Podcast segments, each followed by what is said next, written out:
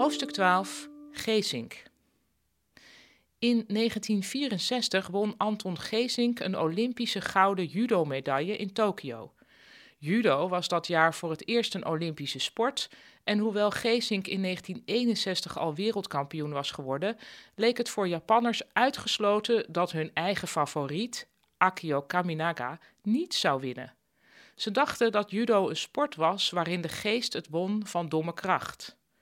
Nu weet ik niets over Geesings geest, maar ik denk dat zijn reusachtige postuur en bijbehorende kilo's ergens wel hebben meegeholpen om Kaminaga op de mat vast te pinnen met de Kessagatame, of zoals ik hem van meneer Donker leerde, de eerste houtgreep.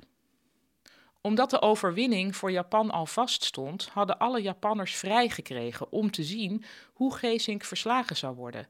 Dit in een land waar werk altijd voorgaat.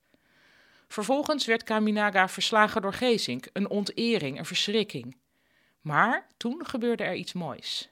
Geesink was net aangewezen als winnaar en meteen maakte zijn achterban aanstalten om de mat op te rennen en hem te feliciteren. Geesink stuurde hen resoluut weg. Eerst moest hij zijn tegenstander nog afgroeten, zoals het hoort.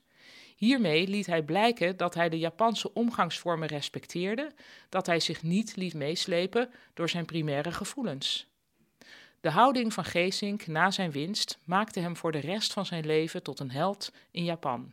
Dat hij een gouden medaille had gewonnen, was minder belangrijk.